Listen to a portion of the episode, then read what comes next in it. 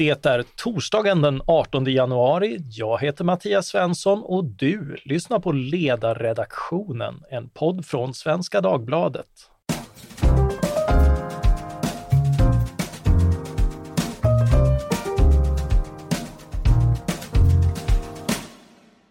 Och medan du lyssnar på ledarredaktionen lyssnar någon annan kanske på dig. Den tanken slår mig i alla fall efter att jag läst Spionjakt i folkhemmet, ett halvsekel med IB-affären. Skriven av journalisten och författaren Anna-Lena Lodenius. Den kom ut förra året då det var 50 år sedan sagda affär och med mig har jag bokens författare Anna-Lena Lodenius. Välkommen! Tack så mycket! Hur kom det sig att du skrev den här boken? Alltså det är ju på något sätt, jag hör ju till den generation som har levt i kölvatten av 68-vänstern. Jag var tonåring på 70-talet och jag gick i de sista Vietnamdemonstrationerna och sådär. Så att det här har ju liksom funnits, även om jag inte minns exakt när det hände. Du har försökt hinna ikapp hela tiden. Ja men så är jag även med musik och allting ja. från den här tiden. Jag sitter på Spotify och pluggar alla band som jag missade från 65 till 70. Ja men du kan ju tänka dig. Mm. Så det är liksom min bakgrund. Jag skrev också, var ju också en av författarna till en bok som heter Frigjorda tider som ni har tagit upp tidigare. Som, ja, men, intervjuade oss om den också, som då handlade om den sexuella frigörelsetiden. Mm. Så att jag har ju sysslat med de här, den här perioden. Och sen kan jag säga att jag har ju sparat på IB-material och då har jag gjort, ja, ända sedan jag blev journalist. Jag tror den första mappen jag byggde upp var väl när Stig Larsson, han med millennieböckerna och Expo, han satt på något arkiv på TT och de hade såna klipparkiv och då var jag där och rotade och kom hem med en jättebibba om IB. Så att jag har burit på det här. Det var väl då just när vi skulle kläcka idéer om vad jag skulle göra på ett förlag som jag jobbar med, Historiska Media. Så tyckte de att nu är det ju 50 år sedan och då, och då la jag fram det här att eh, varför inte ta itu med, med IB? Jag har ändå läst de flesta av böckerna som har kommit och Ja, eh, ja, som sagt, förra gången du var med i den här podden så pratade vi och dina medförfattare om boken Frigjorda tider, om när porren tog över ett antal sfärer av samhället med allt från krav på samlagsrum i skolor till nakenteater. Eh, även om det är vitt skilda ämnen så täcker det ju just ungefär samma tidsspannet mellan 60 och 70-talet. Och du har lite grann varit inne på frågan, är det alltså en särskilt intressant tid och, och finns det några paralleller mellan ämnena? Jo, men det, det tycker jag att det gör. Och, och det, det beror inte bara på min personliga ålder och sådär, utan det är också det att det är ju en tid där vi har haft ett väldigt auktoritärt samhälle. Vi har haft ett ganska liksom enhetligt samhälle på många sätt. Vi har haft samma parti som har regerat i princip sedan rösträttens införande. Och det är på många sätt en ny tid som har kommit, som är mycket mer frihetlig och eh, pluralistisk och sådär. Och det är nya vindar som blåser som man kanske inte alltid förstår från myndighetshåll och sådär. Så att på det viset är den ju spännande. Det är ju många saker, sexualmoral, politik, eh, livsstil. Det är en massa saker som förändras de där åren. Ja, eh, det är det ju helt klart. Eh, och en av de saker som förändras är ju onekligen det här. Eh, om, om, om vi börjar från början, alltså, vad var IB och var bestod egentligen affären? Ja, för det tänker jag också, många har ju hört det här begreppet IB-affären, men vad det var var ju att Folket i Bild Kulturfront som var då en, liksom en väldigt ny den hade funnits kanske ett år eller så, väldigt ny vänstertidning som gick ut väldigt brett och hade någon idé att man skulle liksom Eh, var ett språkrör för bred vänster, fast det var ju då kanske något smalare än vad de sa. Men den hade då haft ett avslöjande som handlade om en ytterst hemlig militär organisation som övervakade vänstern. Det var väl det som ansågs mest kontroversiellt, men som också hade utrikesspionage. Och det här var känt i en väldigt liten krets och bland många saker som avslöjades var också att det fanns ett väldigt starkt samband med delar av det socialdemokratiska partiet. Och man kan säga att den hade ju bildats därför att militären och sossarna misstrodde Säpos övervakning av vänstern och menade att de kunde det här bättre. Så det var egentligen det som hade liksom varit upprinnelsen till det. Men affären bestod i att man avslöjade det här och man berättade väldigt detaljerat om vilka som jobbade där, hur de jobbade, vem som styrde och eh, så det, det kom som en kom som en bomb kan man väl säga på våren 1973. Eh, ja, eh, och, och, och, det, man är, eh, det man avslöjar då är dels, dels att man spionerar på människors politiska åsikt. Det är det som man reagerar på då. Och, och sen är det väl också att det avslöjar att Sverige inte är neutralt som det har sagts. Det... Nej, därför att det här sker ju i starkt samarbete då med underrättelsetjänster i många andra länder. Den israeliska, då vad gäller Mellanöstern, också CIA och i andra länder. IBs arbete är inte avslöjandet, eller? Ja. Nej, alltså de har, ja. precis, IB har alltså jobbat på det sättet.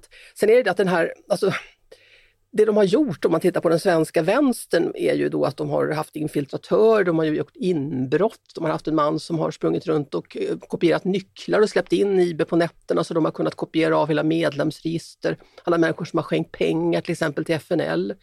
Som ju då kan man ju säga var en ganska bred och ändå hyfsat okontroversiell organisation. Som, som, som protesterade mot USAs inblandning och i Vietnamkriget och det här. Så att, eh, och han hade avlyssningsutrustning, den här Gunnar Ekberg då, som han hette. Och hade kunnat, de hade kunnat lyssna direkt på vissa möten. Och det här var ju då några av de saker som avslöjades. Vad gäller utrikesdelen, det fanns en inrikes och en utrikesdel. Men på utrikesdelen var det ju eh, kanske mest kontroversiellt att de hade också spionerat i Vietnam och den informationen hade då skickats till CIA. Och det är då samtidigt som Olof Palme har ett världsrykte om sig att, att protestera. Så att vi har en dubbelhet här som är, som är ganska tveksam. Mm. Den här berättelsen bygger ju också på ett gäng färgstarka karaktärer som ju inte minst går till historien som sådana genom det här avslöjandet. Eh, vi har förstås det trätande journalistparet Jan Guillou och Peter Bratt. Vi har läckan hos Håkan Isaksson, vi har agenten Gunnar Ekberg och vi har IB-chefen Birger Elmer. Eh, ganska manstungt. Eh, hur skulle du presentera dem?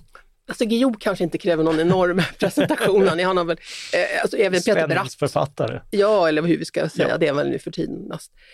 Eh, men, eh, och Peter Bratt blev ju också journalist, han kom ju från förlagshåll. De hade ju liksom kan man säga en eh, högborgerlig miljö, eller vad man ska säga, kommer de ju ifrån båda två, även om kanske Guillous bakgrund var lite mer sammansatt. Peter Bratt hade för den här historien är kanske det viktigaste med hans bakgrund att han hade gjort värnplikten på FRA, signalspaning. Och där hade han lärt känna en Håkan Isaksson, de hade blivit väldigt goda vänner. Och det betyder också att de hade ju delat försvarshemligheter med varandra redan då, hade de gjort. Men den här Håkan då, om man säger Peter kommer ju bli journalist hela sitt liv, men Håkan var ju byråkrat och han var en djupt religiös person och en ganska dubbel person. Jag har ju känt, det är lustigt, för jag har träffat så många som har någon gång haft att göra med den här Håkan Isaksson, för han var ju också en väldigt social, utåtriktad människa, men också en ganska grubblande, tvivlande. Mm. Och eh, han började ju använda Peter Bratt som en säkerhetsventil kan man säga, därför att han upplevde det här omoraliska i mycket utav det som IB gjorde. Hans arbetsgivare, han jobbade för IB, han var anställd där. Mm och började berätta för Peter. Peter trodde ju inte på honom i början, men han fick reda på mer och mer och det är liksom upprinnelsen till den här, det här avslöjandet, att de får alltså en person inifrån som ger dem väldigt stora delar utav historien. Vad är det för delar som han, som han tycker är omoraliska? Det är ju de här inbrotten till exempel. Han tycker att sättet de hanterar vänstern, att de också går ut alldeles för brett. Och att de, men, men framförallt, alltså det att det liksom slår mot väldigt, det är inte bara terroristkopplade människor utan det är ganska brett. Men framförallt är det, det här, de här olagliga handlingarna som de ägnar sig åt. Som han, som han reagerar över.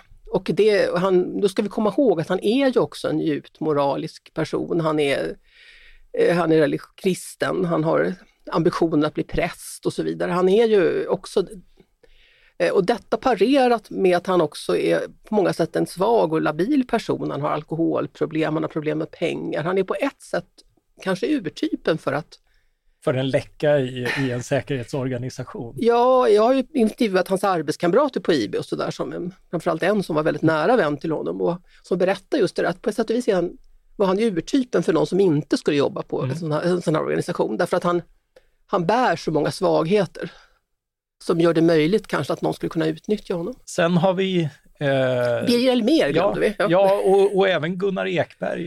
Ja, det är ett stort persongalleri. Ja. Nej, men Birger Elmér har väl många sett den här typiska bilden, han ser ut som en berguv. Den var ju mm. publicerad i Folket i Bild Kulturfront. Han var ju också kan man säga en udda figur. Han var socialdemokrat, jobbade i försvaret, ovanligt. Han hade studerat till psykolog, han ville bli psykoterapeut, också jätteovanligt. Hade varit arbetskamrat Olof Palme på eh, försvarsstaben ett tag. Så att, eh, men man kan säga att det var ju han som sydde ihop, kan man säga, socialdemokratin med, med försvaret. Så att försvaret utnyttjar Socialdemokraternas kunskap om kommunister på arbetsplatser, enkelt uttryckt. Det är väl det man kan mm. säga. Och det var hans uppfinning. Han var ju lite en man som gjorde lite vad som föll honom in. Han hade ett stort kontaktnät och och här kunde han plantera det här på rätt ställe och fick ihop den här organisationen i slutet av 50-talet. Så att, eh, och det handlade ju mycket om industri, alltså rädsla för industrispionage och eh, det kom ju propåer från USA om att man, eh, om man skulle ha licenstillverkning av till exempel inom vapenindustrin och så fick det inte jobba några kommunister där. Så att sådana saker låg ju bakom. Men också rädsla för kommunismen i Sverige. Jag menar, det var en massa spionaffärer på 50-talet. Det var mycket som hade hänt. Och kalla kriget hade ju liksom eh, påverkade säkert det hela. Så det fanns så här fanns ett gemensamt intresse, men det är militären och det är Birger Elmér som liksom drar igång det här. Och ja, Ekberg då, vi skulle säga något om honom också. Alltså han var ju infiltratören. Han var ju, hade väl egentligen själv föreslagit, han hade haft lite kontakt med IB redan. Han var ju dykare egentligen, så att han hade haft något uppdrag tidigare, men sen flyttade han till Göteborg. Hamnade i den här vänstervågen. Ja, det var ju rätt plats. Ja, han började i FNL och sen så började han jobba sig inåt och kom att liksom existera där i några år som infiltratör. Och han var ju nära vän med många. Han hade ju sovit över hos Jan Guillou. De bodde hemma hos varandra, Göran Rosenberg. Alltså, han kände ju alla de här. Det var väl ingen egentligen som hade förstått att han kunde ha en sån här dubbelroll.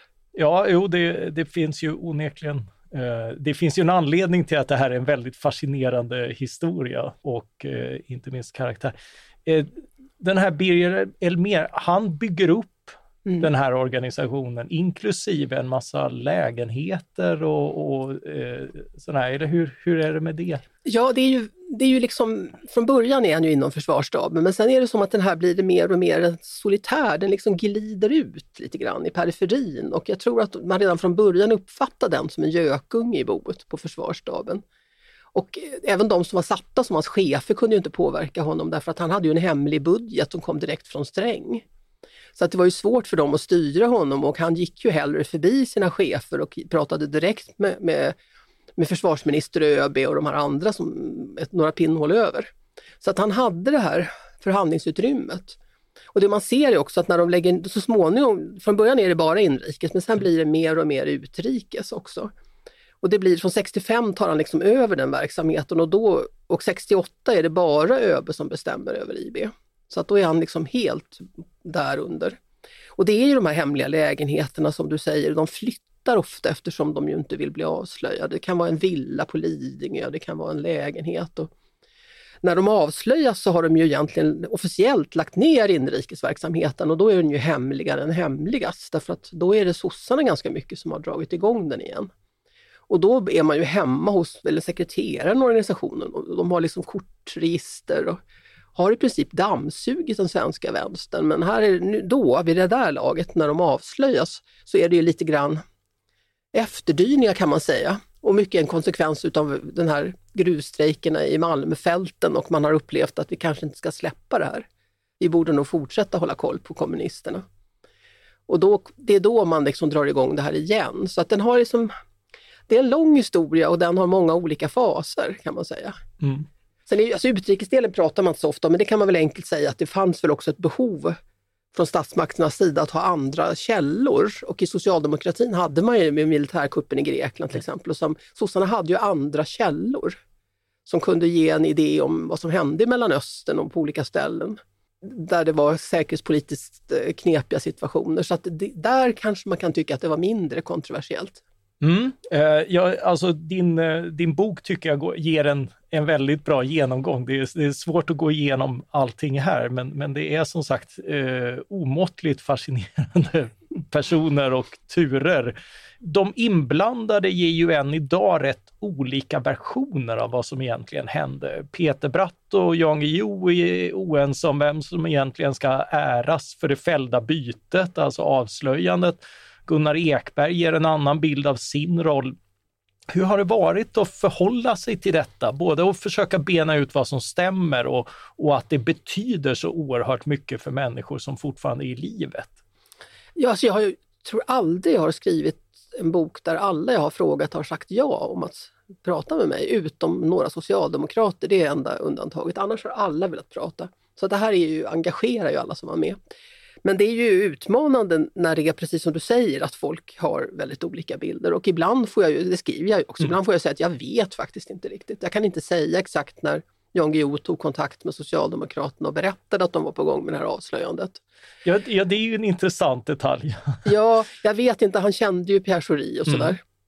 Anders Thunborg, men, men eh, jag har information som tyder på att det här var väldigt tidigt i processen, men det finns också kan, det kan ha varit senare. Alltså det är bara ett exempel. Gunnar Ekbergs historia skiljer sig radikalt från den som har gett till exempel i en statlig utredning som kom många år senare. Där man, och det får jag ju bara redovisa, vad ska jag mm. göra? Ja. Han är väldigt öppen och pratar gärna om det här också och eh, faktiskt också rätt tvivlande inför en del saker. Mm. Han reflekterar ju mycket över hur det har varit, men sanningshalt är ju svårt när det gäller sådana här saker. Eh, ja, absolut. Eh, jag, jag, jag, tycker du även beskriver det bra i, i boken, att det finns olika versioner. Och, och det, det får man liksom ja, leva det får, med Det får man lite grann leva med, men, men eh, så, kan, så kan var och en eh, tillåtas. Eh, du, du, du slår inte fast att den ena versionen då är Nej, och det eh. har jag också ibland, det var olika hur man läser den här boken. Jag tänker att det är liksom, var någon som hade först att jag hade skrivit Guillous version och det förstår jag inte heller riktigt. För jag tycker... Det skulle inte han hålla med om, om jag förstått Absolut boken inte, rätt. det tror jag inte. Det kan jag inte tänka mig att han skulle tycka. Han var ganska missnöjd, men inte nödvändigtvis med mig, tror jag i alla fall. Utan det var väl mer att allt det som andra hade sagt om saker som involverade honom kunde han inte hålla med om. Mm, ja, jo, det var, det var väl suck och stön var väl ungefär ett svar. Hans mejl ja. började med de orden. Eh, nej men, men sen Bratt menar ju att det är, och det tror jag är viktigt att komma ihåg det här att alltså militära hemligheter till exempel, eller den typen av nyheter får man bara om man har en visselblåsare. Mm. Man måste ha någon som kan gå in i det här hemliga rummet och hämta den här informationen och den personen riskerar ju mer än någon annan gör. Och det gjorde ju även Isaksson. Så att, och där menar väl Bratt att han inte har fått riktigt den upp, liksom upprättelse han skulle haft och han menar väl att de var bara, de verifierade så gott de kunde hans uppgifter men det var inte så att de egentligen avslöjade någonting utan det var Isaksson som gjorde det. Mm. Uh, ja, det, det, är ju en viktig aspekt. Och sen, uh, men också det, det, är fnurror på tråden mellan de här två journalisterna redan från början, eller? Ja, inte riktigt från början, för att jag tror också att som Bratt identifierade ju väldigt tidigt när han kom, tog kontakt med tidningen Guillou som kanske den enda personen på redaktionen som skulle ha kapacitet och intresse för den här frågan. Mm. Att han borde vara den han skulle närma sig för att skriva om det här, för han var ju intresserad av försvarsfrågor och kunde en, en hel del själv och sådär. Så att inledningsvis, så de hade nog en kompisjargong och hade rätt kul på något sätt när de höll på i, i början, men det blev svårare och svårare. Och även efter när det hade avslöjats så har det ju liksom varit ju den här relationen väldigt körd i botten med tiden. Och det beskriver jag också, det är en lång följd av år och det är liksom eh, olika saker de har gjort och det kanske jag inte ska gå in på här men, ja. men eh, de har ju anklagelser mot varandra som jag redovisar. Mm. Och jag vill inte, alltså det tror jag också, jag vill inte ta ställning för någon. Jag vill verkligen inte det i det här fallet utan jag tycker att man får... Det, alltså det är ju intressant ändå. Bakom ett avslöjande finns det människor och människor med egna bevekelsegrunder och drivkrafter. Och, och det är ju intressant i sig tycker jag. Ja, absolut. Sen ska eh, inte jag sätta mig till domare över vem som har gjort rätt eller fel. Nej, nej det, det, det, får läsaren lite grann avgöra, även om du, du, redovisar en del omdömen och det tycker jag inte är fel som författare heller. Eh, en som definitivt inte gav en sann version när det begav sig var Olof Palme. Han var statsminister när IB-affären briserade. Eh, vad finns att säga om hans agerande? Så det finns ju vissa tecken på att han inte visste så mycket till att börja med. Han visste ju vad IB var och han hade ju förmodligen från starten kunskap om IB. Men däremot var det ju försvarsministern som tog eh, mer detaljerad information om det här och det tror inte jag att han la sig i. Så att möjligen fick han liksom inte heller riktigt koll på att avslöjandet var på gång. Och han väntar ju jättelänge med att kommentera den. Och när han gör det i slutet av november, är det väl, i början av november förresten, 73, så är han ju väldigt liksom nedlåtande kan man säga. Han pratar om att de har läst för många indianböcker och han eh, liksom dementerar saker och ting och han är väldigt så, gör stora intervjuer i flera tidningar samtidigt och och det här är hans version. Och det var ju inte så att man alla, det vet vi idag, för det skriver jag också om, att man, det fanns ju folk omkring honom som han tyckte att det här var fel, som tyckte att vi skulle stått upp och sagt att ja, men vi står för att vi har gjort det här, för vi tycker mm. att det var bra. Och det hade ju varit, tagits emot säkert väldigt negativt av vänstern på sin tid. Men det hade ju förmodligen underlättat för de socialdemokrater som varken kände till det här eller som hade någon större förståelse för det, för det fanns ju de också. Han satte ju egentligen hela partiet i en väldig knipa och framförallt så låste de ju in sig i ett hörn i sina dementier och förnekanden. Det hade de gjort redan tidigare med ÖB och försvarsministerns uttalanden, men han befäste ju det. Och det här skulle ju ligga, det ligger ju fortfarande som en våt filt över socialdemokratin. Men i många, många val efter IB-affären så kom det nya avslöjanden och kom upp och Sen fick Göran Persson så småningom tillsätta en utredning som väl ändå gick hyfsat långt. Ja, jo, den, eh, det finns ju en anledning till att den, det är inte bara 50-årsjubileet utan den här har ju legat och, och puttrat eh, efter spelet hela tiden, vilket du också hinner med att beskriva i boken. Det är eh, känsligt för sossarna, det är ju fortfarande det märker jag ju när jag pratar med dem. Ja, ja det är väldigt intressant. Vi, jag tänkte vi ska komma till det så småningom blir det ju en rättssak av avslöjandet och inte mot de som eh, spionerat på vänstern utan mot det, de som avslöjat. Och det blir då dessutom ingen tryckfrihetsrättegång mot tidningen utan åtal för spioneri mot bland annat journalisterna. Eh, vilka reaktioner väckte det då och hur framstår det i dagens ljus? Det, var den här, det, här, det som hände var 22 oktober 73 så gick polisen Eh, egentligen utan någon större förvarning, klev alltså in på eh, en tidningsredaktion, Folkets Bild Kulturfront, en bildbyrå, Saftra. De konkar liksom, gör husrannsakan hemma hos Isaksson, Bratt och Guillou och ett antal andra personer. Kommer ut med, det är alla tidningar stora bilder på det här, de har stora plastsäckar helt fulla med material. Och det här var ju inte hört, så, så här gjorde man ju inte, det hade ju liksom inte hänt i Sverige i princip. Det, var, det här var ett otroligt tror jag, och, det intressanta är att i början kan man ju säga att till exempel högern tycker väl kanske att det här är lite oartigt på något sätt att, att ge sig på försvaret på det här viset, att det finns hemligheter försvaret har som vi inte ska avslöja. Och man tror inte heller riktigt på saker som har kommit i en, eh, som de tyckte kanske en del obskyr vänstertidning och sådär. Men det som händer på hösten när det här sker är ju att då börjar även folk på högersidan inse att det kanske faktiskt är någonting här. Och det här sättet att hantera det där är liksom inte riktigt okej. Okay. Och kritiken börjar ju då breddas, den blir ju mer och mer och man börjar också fundera över att man ska tillsätta utredningar och se om man skulle förändra sättet att man, man kan, att man kan göra så här överhuvudtaget. Så enkelt uttryckt, varför man gör det tror jag är, som jag har förstått det, det handlade nog ganska mycket om att de trodde att, eh, att Bratt och Guillou hade mycket fler källor. De trodde inte att de hade bara en. Och de var rädda för att de hade mycket mer information som de skulle kunna publicera som skulle slå ännu hårdare mot svenskt försvar. Och hade de gjort en tryckfrihetsprocess hade man inte kunnat göra husrannsakningar, man hade inte kunnat avlyssna telefoner i månader, vilket de gjorde. Det gav ingenting. Det var en massa saker, rättsliga medel som de hade till sitt förfogande så att säga. Men, men det blir ju en affär när, när det här åtalet kommer.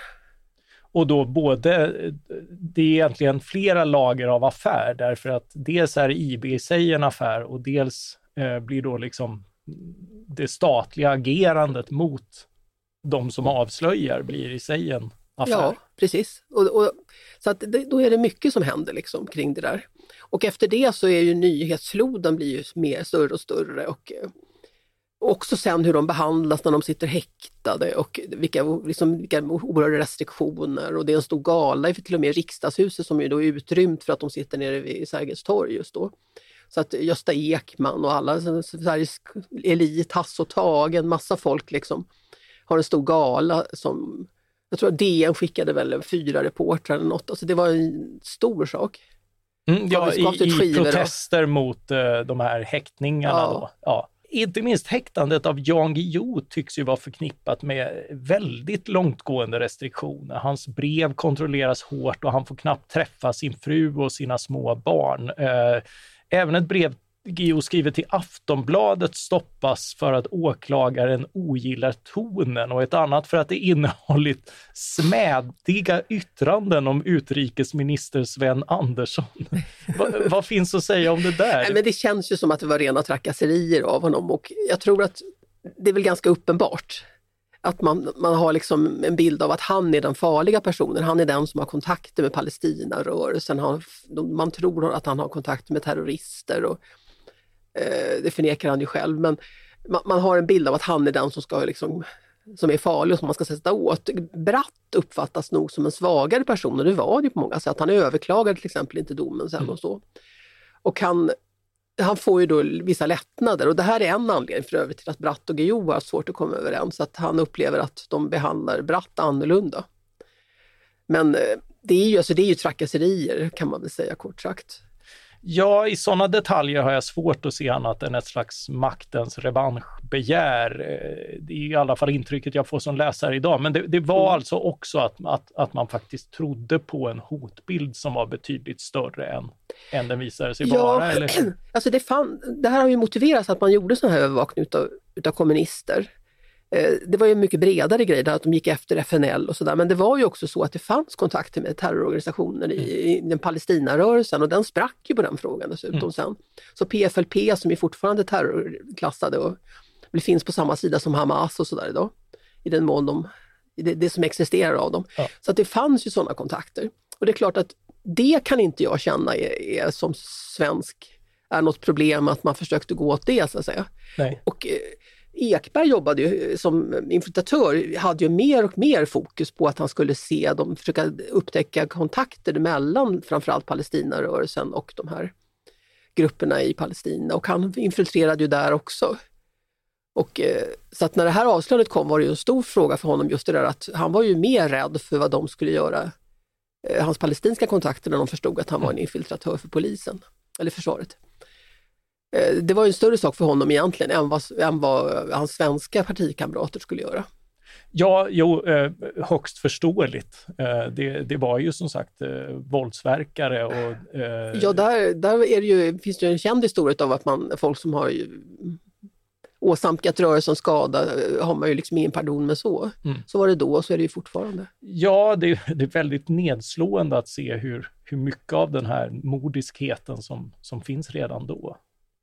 Ja, han hade ju ett väldigt farligt uppdrag. Ja. Oavsett vad vi tyckte om det så, så hade han ju det, helt klart.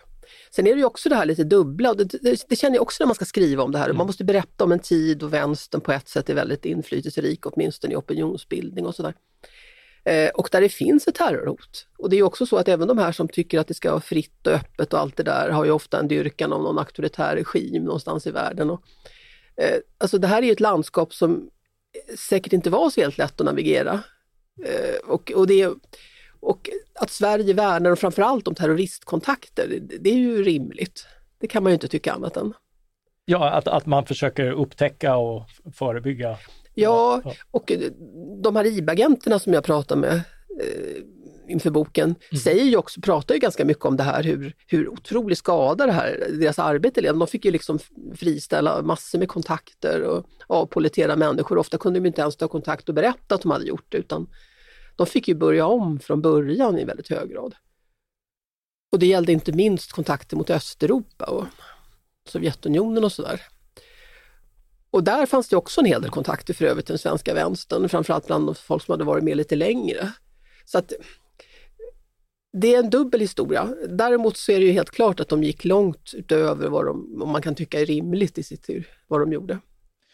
Ja, eh, jag, jag, jag, jag håller helt med om båda slutsatserna och båda är väldigt viktiga för förståelsen. Det, det fanns definitivt ett hot, men när man agerade mot det så blev man själv eh, lite av hotet. Och det är ju, det är ju liksom det, det eviga frågan med, med vem som övervakar makten och, och, och, hur vi balanserar det där. Och det är ju det som gör den här frågan så outsägligt intressant och relevant fortfarande, vilket vi kanske ska komma till. Ja, nej men visst så, så är det ju. Det är det som gör att IB-frågan är värd att prata om fortfarande. Mm. Eh, till sist blev det ju ändå ett tryckfrihetsmål mot tidningen Folket i Bild, Kulturfront. Eh, vad finns att säga om det? Det var ju liksom egentligen, de fortsatte ju skriva om det här och, och, och framförallt Jan, Guillou, Jan Myrdal hade ju ett högt tonläge väldigt mycket eh, i sitt sätt att skriva och han hade, det var det här, det, det som gjorde att de hamnade i i tryckfrihetsmål var att han hade uttalat sig nedsättande om domarkåren. eh, Och var väl som Olof Lagercrantz skrev, jag tänkte måste ta fram det här för att det handlar ju om, ja det, artikeln heter Den ena handen tvättar den andra och hur skitiga dessa händer nu än tvättar varandra blir de aldrig rena.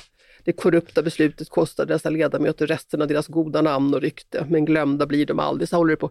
Eh, och då menar ju Olof Lagercrantz i Dagens Nyheter att men så här låter ju han.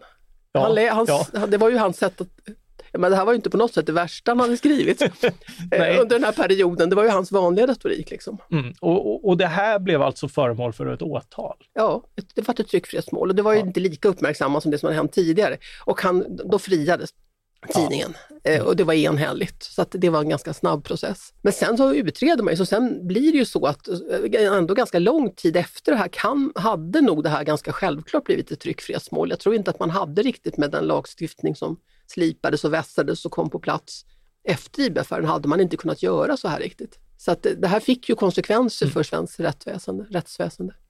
Absolut. Eh, och e-, elefanten i rummet, vi har varit inne på den, eh, liksom i många andra affärer vid den här tiden, det är ju socialdemokratin. Eh, IB-affären briserar 73 mm. efter valet, något som Jan Guillou ska, eh, som sagt pratat med Socialdemokraterna om.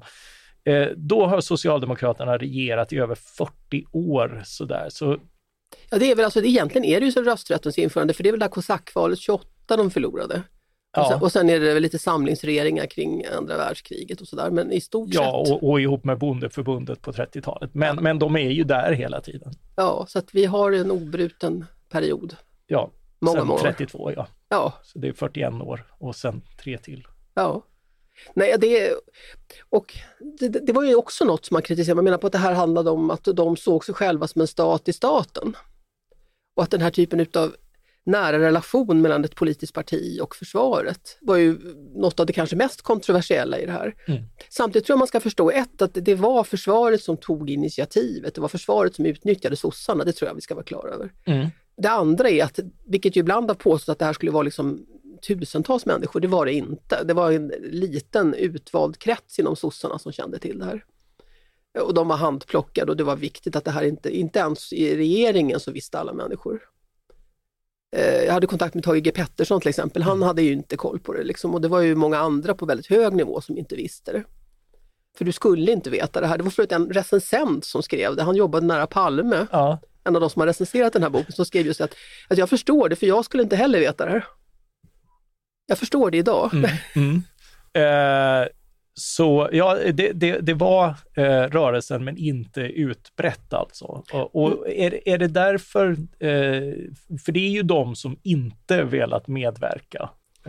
Jag tror att de har, alltså även folk, jag menar Ingvar Carlsson som jag har haft att göra med som journalist många mm. gånger genom åren på olika sätt. Eh, och där, jag hittar ju redan, han var ju en av de som faktiskt ville hitta någon kritisk hållning fast ändå liksom inte fördöma totalt. Och han var ute ganska tidigt. Han hade ju då dels ingenting med det här att göra till att börja med. Det var inte hans frågor, det var inte hans eh, bord överhuvudtaget. Men han säger ju mer som kan tolkas som kritiskt än vad många andra gjorde vid den tiden. Mm. Och ändå idag, när jag ska försöka, han, han är dödligt trött på det. Det är de ju. Och det är väl ja. en, kanske den största förklaringen. Men och han säger det, du, en sak du kan, jag träffade honom på Palmepriset var det väl när jag klev fram till honom och frågade om han ville medverka och då hade redan Tage G Pettersson varnat. ja, han, dagen innan hade jag faktiskt haft kontakt med honom. Han hade hunnit redan varna Ingvar Carlsson om att jag skulle förmodligen höra av mig. Men, men då säger han ju det att det var ett paradis att vara kommunist i Sverige jämfört med i Sovjetunionen, säger han. Det kan du skriva. Mm. Mm. Eh, och det är ju förmodligen helt korrekt. Ja. Eh, Eller det är korrekt. Ja, ja, det är korrekt. Men, Men det är inte det riktigt. Det är inte riktigt det. Det betyder inte att, att man har rätt att gå efter varje människa som har någon åsikt åt vänster på det sätt som de gjorde. Eh, att lägga upp den typen av register och sådär.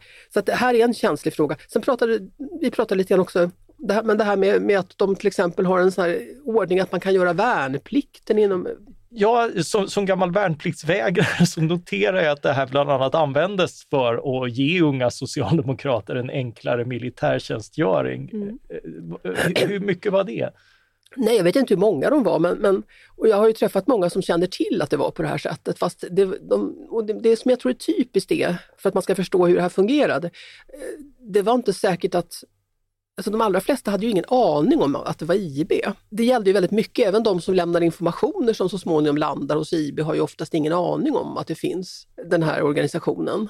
Och sen när avslöjandet kommer så är det väldigt många som tänker då att ja men okej, då vet jag att det var IB. Ja, man la ihop två och två. Ja, och ibland stämde det nog, men det var säkert också så att man ibland har övertolkat och tänkt att det fanns ju en vanlig situation inom framförallt fack, inom facket och LO där man kollade upp kommunister på arbetsplatser och sådär. Och att man blandar liksom ihop saker och tänker att allt har varit IB, men det har det ju förmodligen inte, utan det fanns ju också en internt intresse i partiet och i facket. Så att eh, så det här med, det var ju många inom vänster som var lite sura på att de här, en del kunder som hade koppling till någon av arbetarrörelsens organisationer kunde liksom slippa i princip göra värnplikt för att de skulle sitta i beredskap och skulle det bli krig så skulle de eh, få ett väldigt viktigt uppdrag. Det är ju inte så kul för dem som blir skickade till Boden och ligga i, 11 månader. Eller något. liksom, menar, det, nej, det, nej, det är bekvämare att sitta på kontor någonstans. Ja, ja på kooperationen eller något. Ja. Så det, det, var ju inte så populärt. Men, men som sagt, då, de förstod inte heller att det här hade något med IB att göra. Ja, ja. Eh, du har även en annan intressant sidohistoria om Peter Bratt och hur han gör en dokumentär åt Utbildningsradions föregångare TRU om arbetares villkor 1971 eh, som han gör på fel sätt då, som förargar facket och därför hamnar i, det får en sämre sändningstid. Och, eh, vad, vad händer? Jag tror de sände det som 11 eller något och det fanns väl ingen kroppsarbetare som fortfarande var vaken då. Det här är ju liksom innan video, ja. eh, innan VHS och sånt där, så att, och playtjänster. Så att, nej men det här, alltså jag var, jag var, det här fick jag, har jag strykit, jag hade en mycket större avdelning på det just jag blir förvånad ändå över hur mycket inflytande som, som arbetarrörelsen kunde utöva över saker som sändes i televisionen på olika sätt. Ja, och det här var ju på monopoltiden. Det fanns två ja. tv-kanaler och tre radiokanaler och det var vad som fanns. Ja, det, och det finns en massa historier. Det kanske någon annan får sätta tänderna i någon gång. Nej, men det här hur man det var väl Fria Prov var det väl, som hade gjort någon sketch om att en tidigare LO-ordförande, som handlade om alkohol och sånt, att han hade varit full när han hade gjort något och sen i själva verket var han ju då nykterist i verkligheten. Och det här hade blivit, och det hade tagits upp på något sätt i medierna och då hade, hade de liksom på något sätt drivit någon historia om det där. Alltså bara ett exempel, jag hittade massor med sånt. Jag tänker att det här skulle vi ju inte godta idag. Det vore ju orimligt. Ja, det låter ju som väldigt långtgående mediekontroll. Ja, och, och, på den tiden verkar man inte ha sett det på det sättet riktigt. Eller i vart fall såg man inte det som, tyckte man inte att det var konstigt från arbetarrörelsens sida. Nej, och, och det är väl lite grann det här, den här tolkningen av IB som, eh, som jag då som borgerlig får in i liksom det här att, att partiet hade en väldigt osund relation till staten på den här tiden. Ja, och där kan man ju då säga, man kan ju då tycka, eh, jag som ligger mer åt vänster då kan väl tycka då liksom att man ska inte, jag tror att man ska tänka att det problemet är väl kanske inte bara liksom ideologiskt nödvändigtvis, utan det handlar om att ingen stat mår bra utav att ha en sån eh, eh makt som sitter så orubbad så länge på det sättet. Det skapar i sig vissa problem. Eh, och, man, och, och det är liksom öppna för att man kan hamna i en situation då, då då det händer sånt här som händer kring socialdemokratin och IB. Ja, ja absolut. Jag, jag håller helt med om att eh, alltså det, här, det, här, det här handlar väldigt mycket, inte bara om ideologi, utan också om, om makt och, och varför det är viktigt. Och, och emellanåt byta Uh, ha, ha, demokratiska maktskiften, ha en ständig granskning och, och, allt det där som man inte tycker om när man blir utsatt för det. Nej, för jag tror att det skapades... och sen blir det ju så att hela tiden är ju annorlunda. Och det här gäller ju inte bara Sverige, det var ju så vid den här tiden att vi fick ett mer pluralistiskt samhälle. Det blev eh, fler partier, det, det liksom blev mer turbulens överhuvudtaget och det gällde ju verkligen inte bara Sverige. Så att det här följde ju, men det här var, de var ju lite tagna på sängen utav det. Av en ny tid liksom och vad den innehöll. Mm så är det onekligen och det, det, finns väldigt mycket som sagt i själva boken. Men om, om vi går tillbaka till själva affären och, och, när vi granskar den i dagens ljus som eh, du nu har gjort. Eh, vilka erfarenheter är fortfarande relevanta och får inte glömmas bort? Och finns det något som, som tvärtom var upprörande då och som vi idag nog mest rycker på axlarna åt? Nej, men jag, tror, alltså jag har väl mer landat i att jag tänker att det här är liksom kanske mer relevant idag än vad det var eh, i mellanperioden. Därför att då började man ju slipa ändå eh, lagstiftningen och man gjorde det, kanske inte skulle, inte skulle gå att gå åt medierna på det här sättet som man gjorde. Men nu har vi ju igen en tid då vi har krigshot och vi ska gå med i NATO och vi ska fördjupa EU-samarbetet och allt det här. Och att man har liksom gjort, infört grundlagsändringar som har kunnat komma in ganska okritiserade. Man har varit väldigt lite debatt kring Ja, dem. den här spionlagen som Mm. sagt som, som eh, inte minst eh, vi i medierna har varit kritiska mot. Mm. Eh, där, där det liksom kriminaliseras men görs undantag för, för godartade granskningar som det sägs. Men i realiteten, hur kommer den lagen att fungera då? Kommer vi att kunna rapportera om saker? Och så, jag läste något debattinlägg, så det var väl Hanna Stjärn och alla möjliga VDR som hade skrivit. Nej, men det här att man, man kan ju verkligen fundera tycker jag, vad får det här för konsekvenser?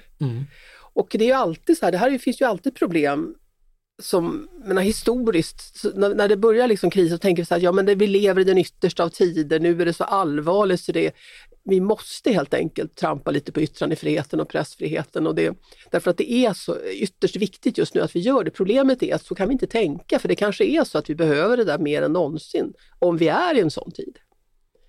Eh, och det är klart försvarshemligheter, det, det är en sak, men då är ju frågan vad är försvarshemligheter? Och även en ytterst hemlig organisation måste vi ibland ha ett nytt, liksom ett titthål in i på något sätt. För att händer det saker där inne så är det ju omöjligt annars att vi någonsin får veta det. Jag menar det som är fortsättningen på IB är ju ännu hemligare. Det finns ingen människa som har kunnat berätta något om vad som har hänt där på många, många år. Och det är ju farligt i sig därför att där, då, då har vi ju liksom en situation där korruption och missbruk och maktmissbruk och saker kan utvecklas. Det är ju klassiskt att det är så. Alla organisationer, både hemliga och andra, behöver en insyn. Och vi behöver en lagstiftning som, som och pressfriheten den är ju som mest utsatt i sådana här tider som vi befinner oss i just nu. Och då får vi inte tumma på den och jag är jätterädd för att vi gör det. Vilka tänkvärda slutord för den här diskussionen som lever 50 år efter IB-affären. Eh, tack så mycket Anna-Lena Lodenius för att du var med oss idag. Tack. Tack också till alla er som har avlyssnat denna podd. Fann ni innehållet starkt som Jan Guillous biceps när det begav sig eller tycker ni att vi med ämnesvalet spelade er ett bratt? Maila tankar, synpunkter och rättelser till oss på ledarsidan svd.se. Ledarsidan svd.se. Producent för det här avsnittet var Jesper Sandström. Jag heter Mattias Svensson och jag hoppas att vi snart hörs igen. Tack för den här gången.